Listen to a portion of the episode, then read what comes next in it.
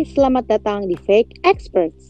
Di podcast ini kita akan berbagi cerita tentang perjalanan menjadi ibu dan sebagai perempuan. Karena di setiap cerita pasti ada pelajaran hidup. Gue Tanti dan gue Medina. Selamat mendengarkan. Hai, hari ini adalah episode spesial Fake Experts karena kita kedatangan tamu, Greta Lutmila. Dia adalah seorang perempuan tangguh yang memiliki pengalaman kerja di salah satu retail company terbesar di Indonesia dengan managerial position untuk beberapa brand ternama seperti Zara, Massimo Dutti, dan Sephora. Saat ini Greta adalah Director for Vibes Indonesia, sebuah perusahaan startup yang bergerak di influencer commerce. Dia juga adalah seorang ibu dari anak perempuan. Apa kabar? Udah lama ya, nggak berjumpa. Hmm, mbak, banget, baik baik. Sama Tanti apalagi ya udah lama ya, kayak bertahun-tahun. Akhir ketemu di mall kayaknya tak. ah, iya iya iya iya, udah di mall nggak tahu tahun kapan juga kan. Iya loh, lama banget. Kayaknya sebelum gue pergi ke Amerika. Yes, benar benar benar benar sebelum. Iya nggak sih. Berarti hmm. kurang lebih satu abad ya. Ah, banget. Dari belum beranak kali ya kita ya. satu dekade, deh, satu dekade ya kan. Greta ini uh, temen gue dan Medina. Mm-hmm. Teman segala teman ya. Tempat, uh, uh, hmm. sempat menjadi teman sus susah dan senang ya. ketika di luar sana ya. uh, uh, ketika tinggal di planet yang itu, gitu kan. Awalnya hmm. dari teman sekolah, terus jadi teman main, terus jadi teman semuanya deh. Nah, sebenarnya kenapa sih kita pengen ngundang Greta hari ini? Karena hmm, dia adalah satu sosok perempuan yang juga uh, bisa menginspirasi banyak orang dengan Amin. hidupnya. Amin. Nata, thank you ya for coming, udah mau ngobrol sama kita. Sama-sama. Ketika lu memasuki womanhood, karena kan um, di podcast ini kita cerita tentang ya womanhood, as a woman, as a wife, as a mother, semua muanya lah yang kita multitasking itu ya, gitu. Lu bisa bisa cerita gak sih dari awal apa ya? Mungkin womanhoodnya kita startnya kapan sih? Kayak kelar kuliah gitu kali ya? Hmm. Sampai hmm. sekarang tuh hmm, perjalanan karir lo kayak gitu tuh hmm, gimana sih awalnya mbak nggak mulus sih ya jadi ya gue nggak mulus tapi ya ya namanya hidup ya jadi gue itu ya setelah lulus kuliah gue sempet magang sih sebulan di Metro TV tuh waktu itu Terus habis itu selesai magang, apply, dapat satu kerjaan, cuman sebentar banget sih, kayak tiga bulanan gitu. Uh, ya tapi gue kayak cuman yang penting gue kerja deh gitu abis kuliah gitu. Jadi nggak mikirin gue kerja di mana sebagai apa. Jadi yang penting ada kerjaan aja gitu. Cuma tiga bulan habis itu ada uh, apa ya job opening gitu deh Zara gitu kan awal dia mau buka. Tahun 2005 tuh jadi ya udah gue apply di situ eh keterima walaupun mulainya dari bawah banget ya gue masih jadi uh, kids manager gitu deh buat Zara di Pondok Indah gitu. Ini nah, benar-benar awal Zara buka banget ya? Tak, awal bener -bener. Zara buka banget. Jadi gue buka toko buat Plaza Indonesia sama buka toko buat Pondok Indah Mall. Dan Zaranya juga belum ada waktu itu di sini. Jadi gue sempat training di Jepang karena itu yang terdekat di Asia waktu itu. Jadi gue training Zaranya di sana. Jadi pas sudah selesai training kita langsung buka toko di sini. Jadi benar-benar awal banget pekerjaan hmm. yang cukup melelahkan, tidak punya waktu lain selain kerja karena gue waktu itu sistemnya kalau di toko dari store manager segala macam tuh shift shiftan. Jadi ya lumayan sih agak shock juga ya waktu awal-awal kok kerja gini banget ya gitu. Lumayan capek sih itu tapi ya alhamdulillahnya sih um, karirnya lumayan lah gitu lumayan cepet naik gue 2005 terus 2006 akhir atau 2007 gitu gue naik jadi uh, brand managersnya buat kids sectionnya Zara dari situ okay. 2009 gue ke brand manajernya masih Moduti karena kebetulan brand manager masih Moduti resign dan mereka ambil gue jadi gue selama 2009 sampai 2000 berapa tuh? 16 kalau gue nggak salah. 2016 2017 gue di Massimo Dutti dari situ kayaknya udah mulai lelah dengan brand itu karena kerjanya juga lumayan uh, dan sebenarnya walaupun brand manager tapi akan lebih banyak di toko buka toko. Jadi lumayan capek gitu. So gue ya akhirnya dipindahkan ke fashionnya di MAP itu 2017 megang semua fashion uh, dan 2018 dipindahin lagi gue ke Sephora uh, division manager waktu itu dan ya mungkin gue udah mau 15 tahun kali ya di sana jadi kayak secara fisik udah capek draining gitu plus juga ya gue juga udah punya anak sih ya uh, jadi kayaknya gue melihat kok gue menghabiskan waktu gue lebih banyak kekerjaan gitu loh. Kayak I don't have a life after this gitu. Kayak benar-benar setelah selesai kerja cuman pulang karena biasanya kerjanya sampai malam. Weekend juga udah kayak capek sendiri gitu.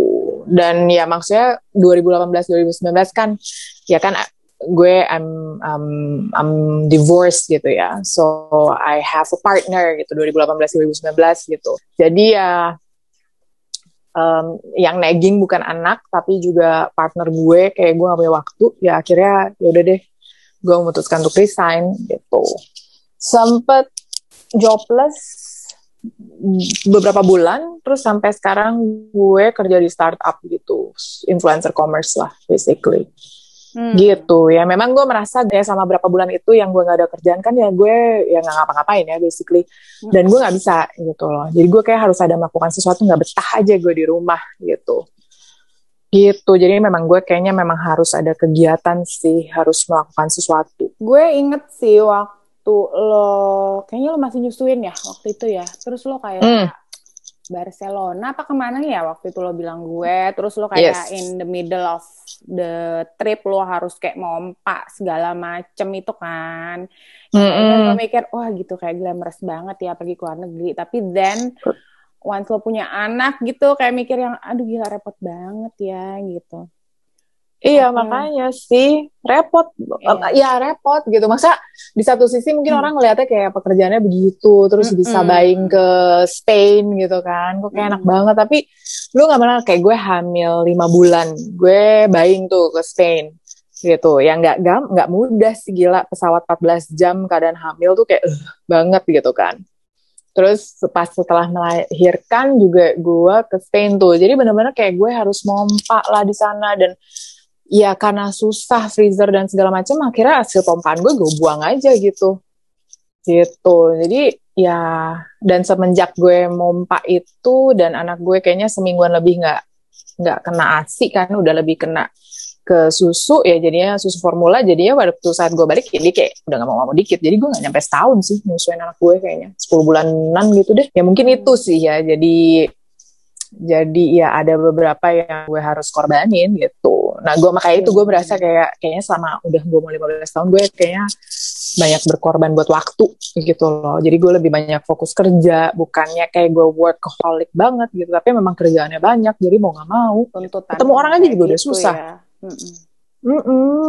Appointment. Jadi jangan dipikir kalau misalnya kita lihat orang kayak hmm, enak banget ya hidupnya ya. Ternyata behind that tuh memang ya setiap orang perjalanan pasti ada suka dan duka ya. Kita fokusnya di mana dan ada yang harus kita korbanin gitu ya. Dia iya, bilang iya. asi Betul. dan segala macam, traveling saat lagi hamil. Nah ya itu, maksud gue juga maksudnya gini, gue kalau ngeliat kayak ibu rumah tangga gitu ya. Gue juga suka amazed gitu. Gue yang berapa bulan gue gak ada kerjaan itu kan basically ya gue sama anak gue gitu kan kayak jemput dia sekolah lah. Gue mencoba untuk uh, apa namanya uh, spend time gitu kan. Apa yang gue udah jarang ngelakuin selama berapa belas tahun gitu kan. Akhirnya gue berapa bulan itu coba gitu ya. Tapi gue amazed gitu hebat banget ya ini ibu-ibu bisa bertahan gitu kan ya. Gue sama anak gue kayak udah mungkin awal-awal masih oke, okay. lama-lama gue kayak udah berantem gitu kan ya jadi kayak nggak kayak gue mau ngapain lagi ya gue mau ngapain lagi ya gitu loh. Jadi makanya gue amazed banget sih sama mereka yang gila ya. Lo ber di rumah setiap saat emang nggak setiap saat sih tapi maksudnya gue kan most of their work focusing on household gitu kan. Mm-hmm. di mana kayak gue nggak bisa boh Terima kasih Bu Greta. Emang iya loh, gue amazed sih sebenarnya kayak oh hebat ya gitu. Ya kan orang kan ada kan yang pikirannya kayak yang ibu-ibu yang kerja kan kira enak banget ya tuh ibu-ibu ngantri anak sekolah terus ngomong-ngomong di kafe gitu kan. Ya they don't know behind it gitu ya nggak sih? Ya yang kelihatan kan cuma ya, lagi ya, ngom abis nganterin anak terus ngumpul di kafe ya sama ibu-ibu lagi jemput anak kayak ya udah kan? ya ya udah ya udah gitu kan yang orang lihat kayak gitu ya sama lah sama kerjaan gue juga orang lihat yang oh enak banget nih pergi ke sana pergi ke sini pakai baju bagus atau apa segala macam. Tapi kan ya ya pengorbanan orang kan beda-beda ya. Iya iya benar-benar gitu. Nah si uh, waktu lo di holding ini ya di grup perusahaan inilah gitu. Uh, lu kan huh? maksudnya brandnya pegangnya beda-beda gitu. Uh, yang membedakan, yang menurut lo paling apa ya fulfilling buat lo tuh pada saat lo di mana dan uh, kenapa terus ketika lo memutuskan bahwa udah ah gue udah aja this is it gitu tuh juga pas kapan kayaknya pasti kalau yang gue merasa fulfilling dan segala macam itu ya pasti waktu gue mungkin di late 20s, early 30s kali ya. Um, hmm. Di mana oke, okay, uh, kan gue gak divorce itu waktu gue 2013 gitu kan. So setelah divorce itu kayaknya gue mulai musatin perhatian gue benar-benar ke kerjaan. Jadi ya gue nggak ada kenal capek atau apa pun apa gitu just a distractions buat gue move on gitu kan dan kerja kerja kerja.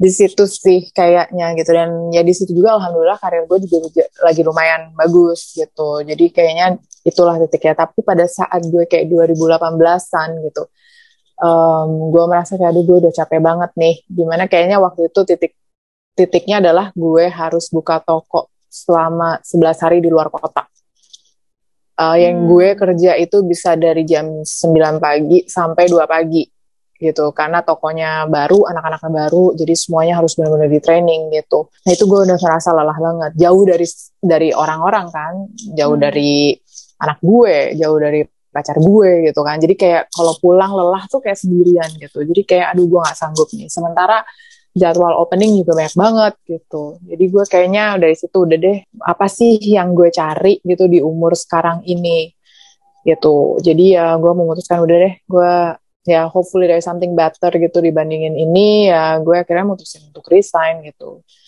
Karena ya again personal life-nya juga dikit banget nggak nggak banyak gitu loh jadi kayak gue nggak punya banyak waktu untuk diri gue sendiri juga gitu apalagi sama anak Terus kan uh, lo punya anak perempuan, terus kemudian lo uh, kemarin sempat berpisah lah gitu ya. Ya betul betul. Dengan pasangan yang sebelumnya. Dan terus sekarang lo jadi single lah ya. parent. Nah, uh, gitu. Challenge challenge apa sih gitu uh, sebagai single parent? Sekarang kan yang gue tahu ya orang tua berdua nih ada suami istri aja ngurusin anak susah gitu kan apalagi sendiri gitu. Nah, apa tuh challenge-challenge apa suka dan duka lah sebagai single parent? Um, wah banyak sih ya. Ya satu financial ya, karena basically yang support anak gue kan gue. Okay. gitu. Jadi maka dari itu kayak nggak mungkin nih lu nggak kerja karena kalau lu nggak kerja, um, ya gimana cara lu bisa uh, menghidupi anak lo gitu. Bukan cuma diri lu sendiri tapi anak lo juga gitu kan. Um, itu. Um, kemudian ya ya apalagi kan sekolah ya gitu. Gue kerja gue kerja sampai malam. Um, kemudian ya dulu sih anaknya masih ada mbaknya gitu kan. Masih ada mbaknya. Hmm. jadi yang bantuin belajar tuh mbaknya. Jadi gue pul kalau pulang kerja tuh gue cuma ngecekin aja anak gue udah kerja PR atau belum tanda tangan di agenda udah tapi selama pandemi ini wow. Karena mbaknya udah nggak ada. Mbaknya pulang kampung. Jadi basically ya gue sama dia aja gitu. Kita yang struggling berdua. Um, yeah, yeah. ya anak gue juga udah lumayan gede. Jadi kadang ya dia nggak mau dibantu. Sementara kan gue kerja. Kadang gurunya kalau ada apa ke gue. Gue nggak bisa kayak orang lain gitu kan minta tolong eh tolong dong tanyain dulu dong dia udah kerjain atau belum. Nggak bisa kan gitu. Jadi gue harus mm -hmm. semuanya gue. Kadang-kadang gue draining akhirnya gitu loh kayak ya suka frustasi sendiri gitu. Uh, ya itu susahnya gitu. You struggle by yourself. Nggak ada yang bisa bantu lo gitu. Itu sih yang gue merasa susah. Tapi kalau untuk anak gue dia udah tahu oh gue tinggal sama ibu gue nih. Jadi orang tua gue hmm. ibu gue. Untungnya dia nggak pernah punya masalah untuk itu gitu loh. Gue sam gue udah um, misalkan berpisah sama bapaknya tuh dia nggak nggak pernah ada masalah tapi yang jadi masalah buat gue adalah gimana sih gue bisa membagi waktu gitu loh untuk diri gue dan anak gue gitu terutama kalau kerjaan lagi banyak kemudian dia ada ulangan priority gue yang mana gitu kalau berdua kan enak bisa bagi-bagi ya. Oke, gue mungkin ada gue ada meeting sama ini, lu, lu dulu deh yang tolong bantuin gitu. Bisa bagi hmm. gitu kan kerjaannya. Kalau ini kan kayak bener-bener nggak bisa gitu. Financial apalagi gitu. Ya gue bener-bener sendiri sih gitu untuk anak gue. Jadi ya basically ya gue sekarang harus kerja hidup ya buat gue dan anak gue gitu. Jadi ya. Tapi bagaimana akhirnya lo menyikapi itu gitu? gue ya mau nggak mau sih akhirnya ya, ya makanya mungkin forever and ever gue harus bekerja kemudian gue juga harus punya um, ya gue invest invest lah ya maksudnya kayak gue reksadana dan segala macam asuransi gitu mm -hmm. just to make sure nanti tuanya kalau sampai gue nggak kerja at least gue punya masih punya pegangan nih buat gue dan anak gue gitu um, buat sekolahnya dia lah gitu um, terus kalau misalkan untuk masalah kayak gue anak gue ya akhirnya gue harus milih ya gimana pun juga pendidikan anak gue yang paling penting anak gue yang paling penting jadi kadang ya hmm. ya gue kalau misalkan kerjaan belum selesai mau nggak mau kalau dia memang ah, besoknya ulangan misalkan ya udah gue tinggalin dulu kerjaan gue baru uh, terus gue ngajarin dia sampai selesai gitu. Gue ngajarin dia sampai selesai ya gue baru dari situ gue balik kerja lagi. Jadi kadang-kadang ya gue bisa walaupun WFH gini gue juga bisa tetap kerja sampai malam gitu. Karena ya gue harus bagi waktu untuk dua orang gitu. Jadi ya prioritas ya. prioritas lah anak gue gitu. Jadi ya kalau dibilang ya waktu gue ya WFH pun atau nggak WFH ya hampir sama gitu. Gue bisa kerja sampai malam karena sekarang WFH gue harus bagi waktu sama anak. Hmm. nggak mudah susah hmm. ya gue frustasi. Tapi gue kadang ya juga cerita lah sama uh, apa partner gue sekarang gitu. Jadi kadang he is willing enough to help lah basically. Kalau ada sesuatu yang gue nggak ngerti atau gimana ya mau nggak mau dia yang take over untuk bantuin gitu. Dan ya membantu sih sedikit gitu at least um, ya saat ini gue punya um, partner yang bisa bantuin dikit lah untuk kalau ngajarin anak gue atau apa pun gitu. Challenge itu partner lah ya sebenarnya ya. Ya butuh partner. Greta walaupun, mencari partner. tapi walaupun butuh partner ya ada nggak enaknya gitu loh. Iya, karena iya, ini iya. bukan anak kita berdua, tapi ini anak gue gitu. Jadi gue masih ada nggak enaknya karena ya ini kan anak ini harusnya tanggung jawab gue gitu. Gue nggak mau membebankan anak ini ke orang lain juga gitu. Hmm, nah, karena lu udah menyebut-nyebut partner lo beberapa kali tadi ya. Kalau um, awal-awal nih, waktu lu berpisah gitu ya, terus lu mulai dating lagi dong setelah sekian lama gitu. Uh -uh apa sih bedanya hmm. lu ya er, artinya kan lu dating later in life ya, berarti udah kayak early 30 gitu kali ya when you start dating lagi. Apa sih yeah. bedanya dating yeah. uh, later in life terus mungkin juga apa sudah punya anak gitu ya. Sama lu dating dulu-dulu. Uh, ya beda lah dulu-dulu sendiri lu bebas mau ngapain gitu kan lu mau pergi jam berapa segala macem ya lu cuman punya diri lu sendiri gitu loh. Kalau sekarang, kalau saat ini ya satu, lu mau kayak keluar pergi malam, ya gue harus minta izin sama anak gue dulu. Eh nggak aku ke sini gitu. Karena, um, well, she is part of my life, jadi gue mau approval dari dia juga gitu. Jadi itu nggak nggak mudah sih gitu. Awal-awal gue sama partner gue yang sekarang aja, um, kayak gue pertama kali pergi sama dia itu gue harus minta izin sama anak gue gitu. Jadi gue tanya, aku mau pergi keluar nih, uh, pulang jam segini uh, boleh nggak gitu kalau dia oke okay, ini ya gue pergi gitu jadi nggak bisa yang kadang misalkan um, si lakinya nanya eh besok yuk kita ngedate ini ya gue harus lihat dulu anak gue um, schedule gimana oke okay atau enggak nah baru kalau misalkan oke okay, baru gue pergi itu terus hmm. ya ya itu sih yang paling utama buat gue ya jadi nggak sebebas dulu yang ada orang, eh makan yuk ini sini jam segini atau makan yuk sekarang yuk, ya nggak bisa gitu loh. Jadi benar-benar harus terschedule dan ada ya terschedule sih gitu. Um, karena when you date me, you also date my daughter basically gitu. Jadi bukan cuma gue sendiri, approvalnya juga dari anak gue gitu. Um, kemudian selain itu, Ya susahnya adalah karena um, ya gue ya I'm not single, um, udah punya anak gitu dan kalau keluarganya nggak terima atau gimana kan itu yang susah gitu kan. Itu lagi dikenalin lagi keluarganya bahwa you know I'm, I'm not single, udah punya anak segala macam ya untungnya sih keluarganya juga ya setuju-setuju aja gitu. Jadi itu sih kayak karena kan di Indonesia sendiri kalau lu janda gitu kan itu kayak masih gimana gitu persepsinya itu kayak tidak baik lah, belum bisa banyak yang terima. Jadi ya hal-hal yang hmm, lebih negatif gitu buat, kayak konotasinya nah, ya. Bener kan, lebih negatif gitu loh. Jadi kayak kenapa dia janda? Jadi yang hal seperti itu yang kadang bikin gue kayak aduh gue bisa diterima gak ya? gitu.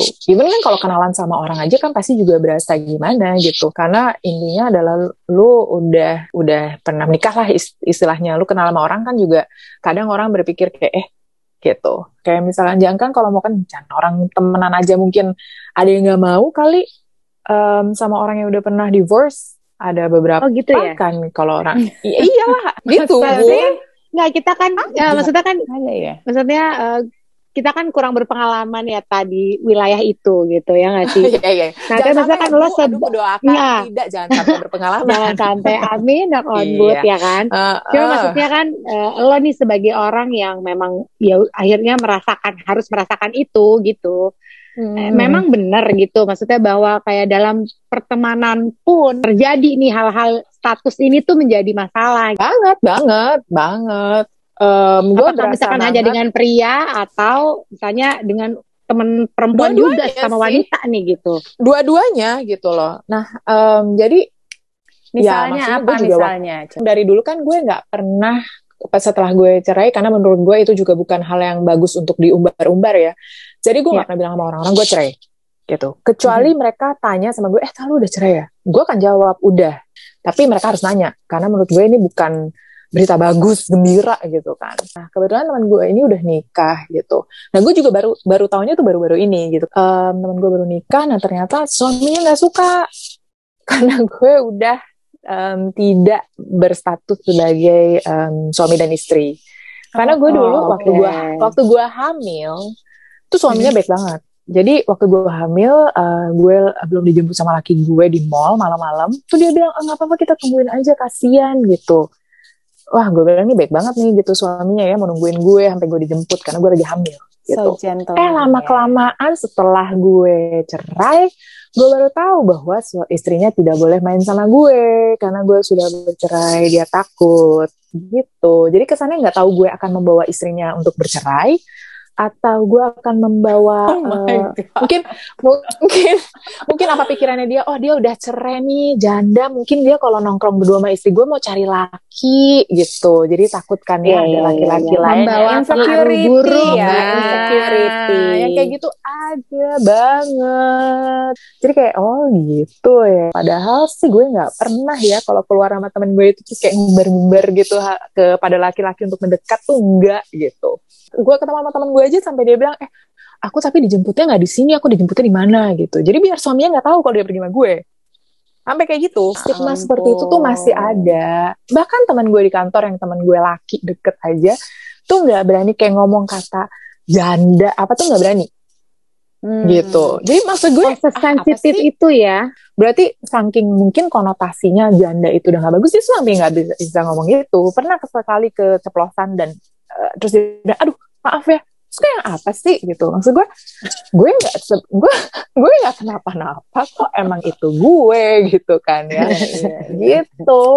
Jadi kayak ya, ya, ya, ini berarti buat pembelajaran ya udah tahun 2021 ya kan? Dinamika hidup hmm. itu kadang up and down ya gak sih Betul. Janganlah berstereotip ya kan terhadap uh, kegagalan sesuatu ya kan ini kan mungkin orang menilai sebagai satu kegagalan yang akhirnya digeneral, digeneralisasikan ya nggak sih?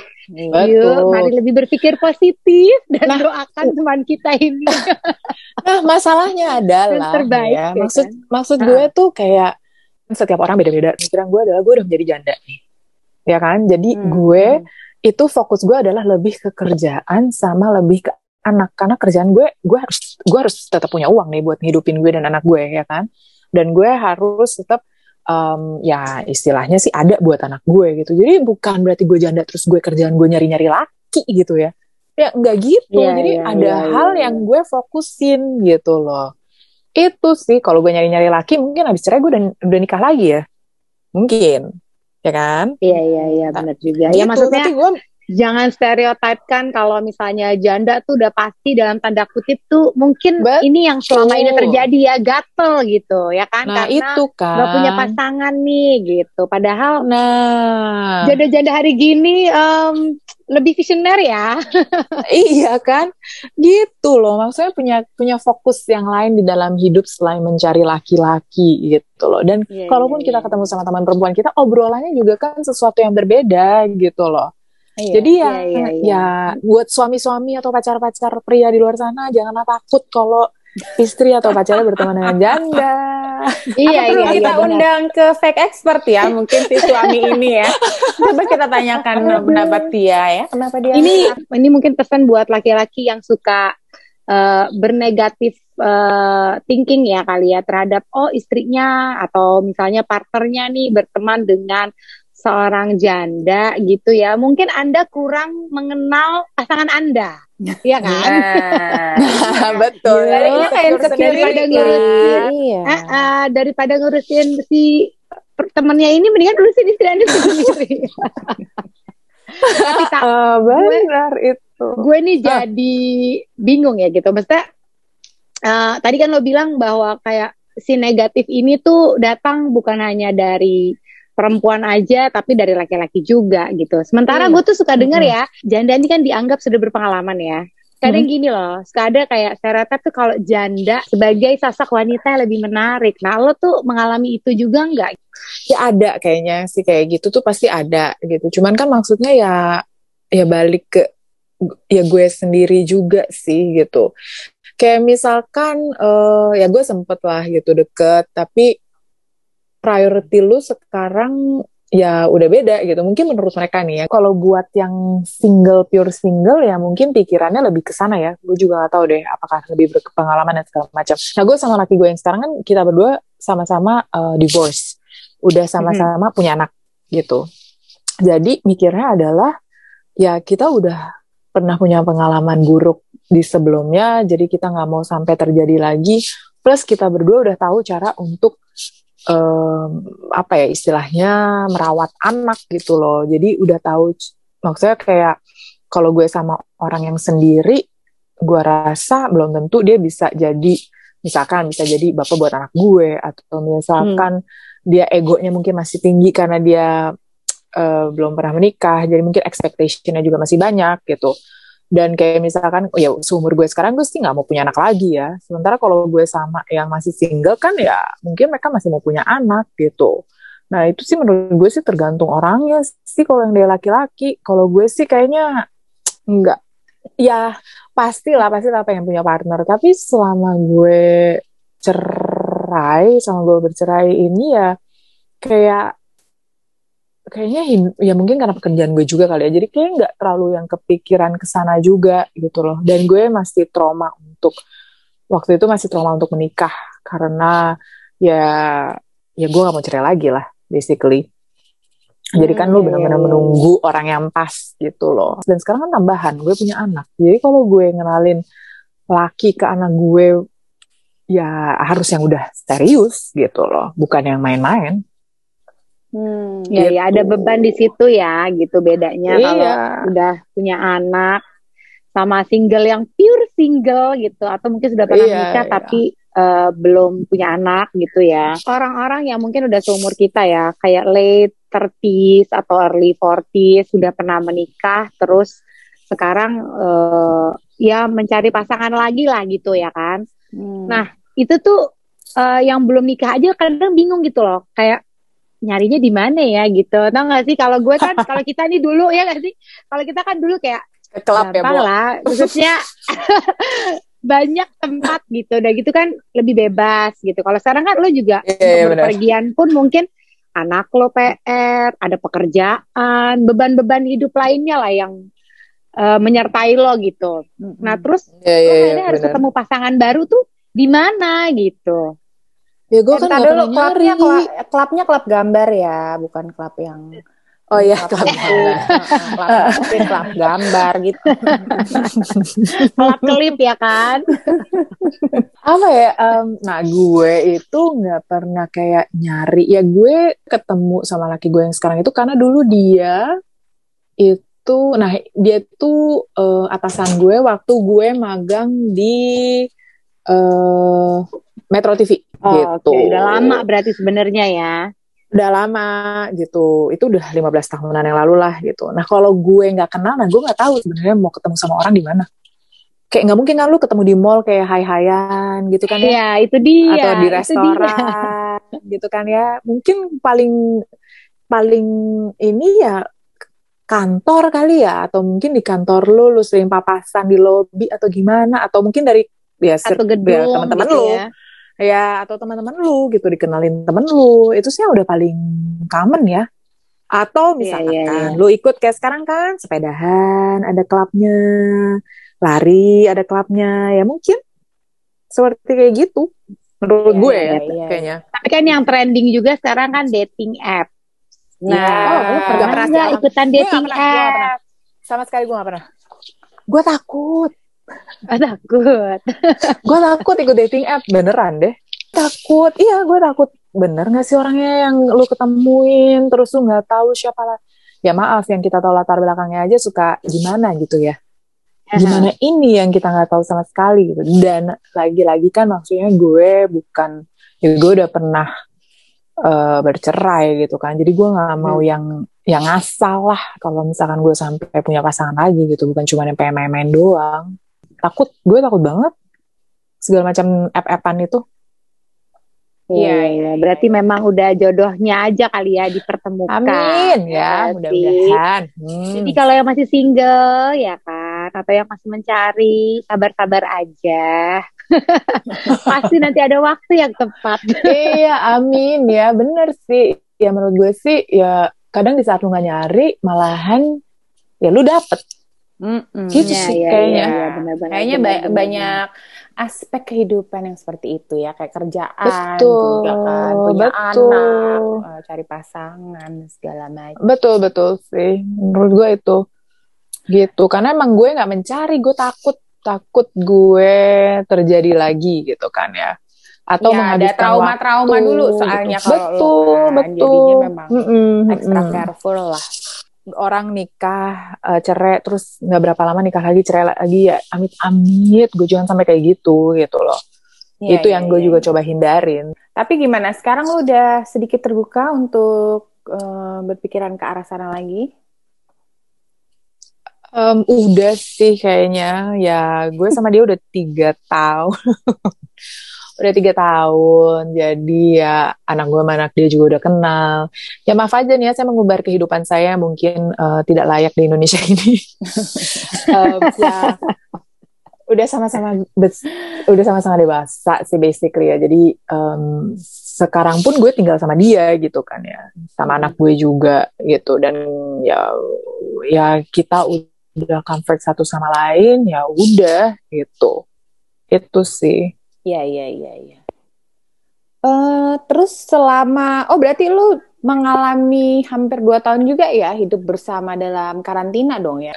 cobaan ya, ini cobaan ya kan. Jadi ternyata itu yang iya, membuat iya, lo uh, kembali lumayan yakin mungkin selama lewati cobaan dalam ya, lumayan, karantina lumayan. ya, layaknya pasangan. Persenannya, persenannya iya. bertambah lah ya dalam karantina ini. Iya iya iya. Jadi uh, cara mengalahkan trauma dengan pandemi ya. Iya betul ya. Bahwa gue bisa Gila, hidup trauma. sama orang ini 24 jam gitu kan bersama. Iya iya iya. Iya iya iya iya benar benar. Kalau lu lu dulu mungkin kan kayak kita ada kerjanya berapa jam di tempat kerja, balik cuma pas pulang doang ya kan nggak ketemu dia dia lagi. Kalau ini kan gue kan tinggal di apartemen ya. Jadi ya sudut sini dia, sudut sana dia gitu kan ya. Jadi 24 jam dia gitu. Tapi ya udah gitu. Ya memang sih ada ada masanya di mana ya namanya juga orang lelah juga kan pasti ada ya. Um, udah nggak keluar-keluar, ketemu dia dia juga gitu ya. Jadi ada masa-masa di mana kayak aduh gitu bukan jenuh sih tapi kayak lagi-lagi kesabaran ya gitu kan ada gitu tapi ya berhasil melalui sih gitu jadi ya bersyukur juga nih cobaan yang satu ini bisa dilewatin lah gitu iya iya iya terus tuh selama pandemi ini uh, ngapain aja sih ta uh, untuk mengatasi kayak ya sekarang banyak dengar juga ya kayak masalah mental health orang jenuh orang stres ya karena kan nggak ada nggak tahu ya kapan ini berakhirnya gitu. What do you do to hmm, ini sih melepas stres gitu? Yoga, olahraga hmm. sih kita berdua. Kita berdua olahraga sih basically. Um, yang waktu awal-awal kan tiga bulan lockdown kan nggak bisa ke mana-mana. Jadi kita berdua karena dulu suka lari di luar jadi mikir ngapain ya udah yoga akhirnya ya udah sekarang kebawaannya ya olahraga sama ya cuma nonton film doang gitu loh. Habisnya nggak ada apa-apa lagi. Nah kemarin sempat sempat sempat um, sebelum tutup kayak sekarang lagi ya mungkin uh, keluarlah have a date night. Menurut gue itu yang paling penting sih. Karena mm-hmm. gimana pun walaupun lu masih berdua tapi suasananya kan beda ya. Iya. Gitu nggak di dalam rumah doang. Jadi menurut gue date night ini sangat penting. Dress up a bit gitu kan, makan enak, lah pemandangannya beda, walaupun cuma sebentar tapi lumayan lah gitu punya waktu berdua ya memang 24 jam berdua terus tapi kan ini kayak kondisinya ya beda gitu jadi kayak stress release lah iya kadang tuh apa sih suasana tuh pengaruh banget sih emang ya kan? Begitu step out banget. di rumah aja tuh udah langsung kayak wah gitu. Selama iya pandemi ini. bener sih. Kayak kayak sekarang kan rumah gue jadi tempat kerja kan. Jadi kayak kalau kita di rumah berdua ya kayak kayak moodnya udah mood mungkin kerja. Jadi udah nggak moodnya iya. udah nggak enak gitu. Kayak begitu lo punya waktu ya ya date night sih. Bo, date night gue tuh kadang ya ampun cuma makan di mobil beli nasi goreng di Sabang Iya, Dan itu iya. udah happy banget sih. Iya, iya, iya, iya benar Tapi dandan loh, kita zaman dulu ya pacaran ya, kan? ya. Walau makan di mobil dandannya uh, uh pakai high heels. uh, iya, iya, jarang-jarang keluar. Asli kan? Iya, iya, iya benar gitu kan. Itu ya, salah satu yang harus disyukuri juga ya. Iya, Naik iya, mobil aja udah ya. senang ya gak sih? Ah, seneng ya banget walaupun cuma makan nasi goreng di mobil tapi kan ya udah ya gitu. Nah, untungnya laki gue yang sekarang tuh ya tipe yang kayak gini lah gitu loh. Jadi ya walaupun ini masih ada effort-effortnya lah buat kita reconnect gitu. Kita udah nggak mau menyandera lo lebih lama lagi ya karena udah. Cuma untuk menutup um, obrolan kita uh, dari semua cerita lo tadi, ini semua yang kita tanyain ke tamu kita sih gitu di sini pelajaran penting apa sih yang bisa diambil dari perjalanan hidup lo selama ini yang bisa lo share dengan sesama perempuan di luar sana? Hmm, well satu hal ya gue sih melakukan hal yang membuat ya karena gue udah punya anak membuat gue bahagia. Um, karena kalau gue bahagia anak gue bahagia. Jadi gue selalu banyak dengar kalau orang bercerai itu jangan sampai ya maksudnya jangan sampai bercerai nanti anaknya nggak bahagia. Ya tapi kalau kita nggak bahagia anak nggak akan bahagia. Dan gue merasa gue membuat keputusan yang benar dan gue nggak menyesali sama sekali gitu. Makanya untuk menjalankan ini semua gue harus kuat gitu loh. Kuat dengan omongan orang um, kuat dengan gue harus menghidupi diri gue dan anak gue sendiri, merawat segala macem, ya gue harus kuat gitu. Jadi nggak usah banyak mikirin orang sih, basically. Jadi untungnya di usia-usia sekarang kayak gue ya udah bodo amat gitu orang mau ngomong apa, yang penting gue yang jalanin. Gue tahu yang baik buat gue dan anak gue ya gue dan dia gitu. Selama anak gue berkembang dengan baik, selama anak gue tahu gue ini bekerja itu untuk dia, mencoba merawat dia, ah, gue udah lebih dari happy gitu. Jadi apa pun jangan ya do it for yourself, jangan pernah mikirin orang lain. Jadi menurut gue sih itu yang paling penting. Tapi ya juga gunain rasional kita ya gitu. Jangan apa-apa gegabah atau segala macam. Karena buat gue waktu gue mau bercerai itu itu butuh waktu yang lumayan lama gitu loh. Hmm um, karena gue mau memastikan ini adalah keputusan hidup gue yang benar. Sampai gue tahajud dan segala macam dan gue akhirnya melihat orang tua gue juga kayaknya udah ya udah nggak apa-apa keluarga gue keluarga besar juga nggak apa-apa. Jadi gue merasa oh surrounding gue udah maksudnya udah welcome ya sama hal yang seperti Dukung, ini ya. gitu. Hmm. ya jadi um, berpikir dengan benar itu harus gitu. Jangan kayak sedikit-sedikit marahan pengen cerai pengen cerai tapi benar-benar dipikirin baik-baik gitu. Dan jangan terlalu pikirin orang lain karena yang menjalani semuanya kita. Gitu. Walaupun gue tahu mungkin orang lain ada yang ngomongin gue seperti apa dengan kehidupan gue saat ini gitu ya. Yeah. kayak gue bercerai gue tinggal sama laki gue gimana anak gue pikirannya segala macam gue gak peduli. Karena gue lihat perkembangan anak gue normal kok gitu. Anak gue um, um, bisa menerima kehidupan gue dia tahu um, ibunya ini seperti apa um, pekerjaannya apa kemudian ya itu aja sih yang paling penting buat gue gitu loh yeah. kalau omongan orang sih yang jelek-jelek udahlah daripada itu bikin gue stres gue nggak mau pikirin gitu karena di sini hidup gue cuma gue sama anak gue kita berdua happy itu aja yang penting buat gue Yes. gitu. Dan akhirnya lo juga nggak bisa please everyone ya kan, karena kan selalu iya. ada yang nggak setuju dengan cara hidup kita ya apa pun lah gitu kan. Jadi ya yes. prioritaskan apa yang terbaik buat kita dan apa sekeliling kita aja orang-orang yang kita sayangin kan. Jangan sesali uh, keputusan yang sudah dibuat ya kan? Yes. Yeah. Tetap berjalan maju ke depan, fokus pada apa yang menjadi tujuan hidup kita dan harus menjalankan itu. hidup. Iya. Betul. Stay positif.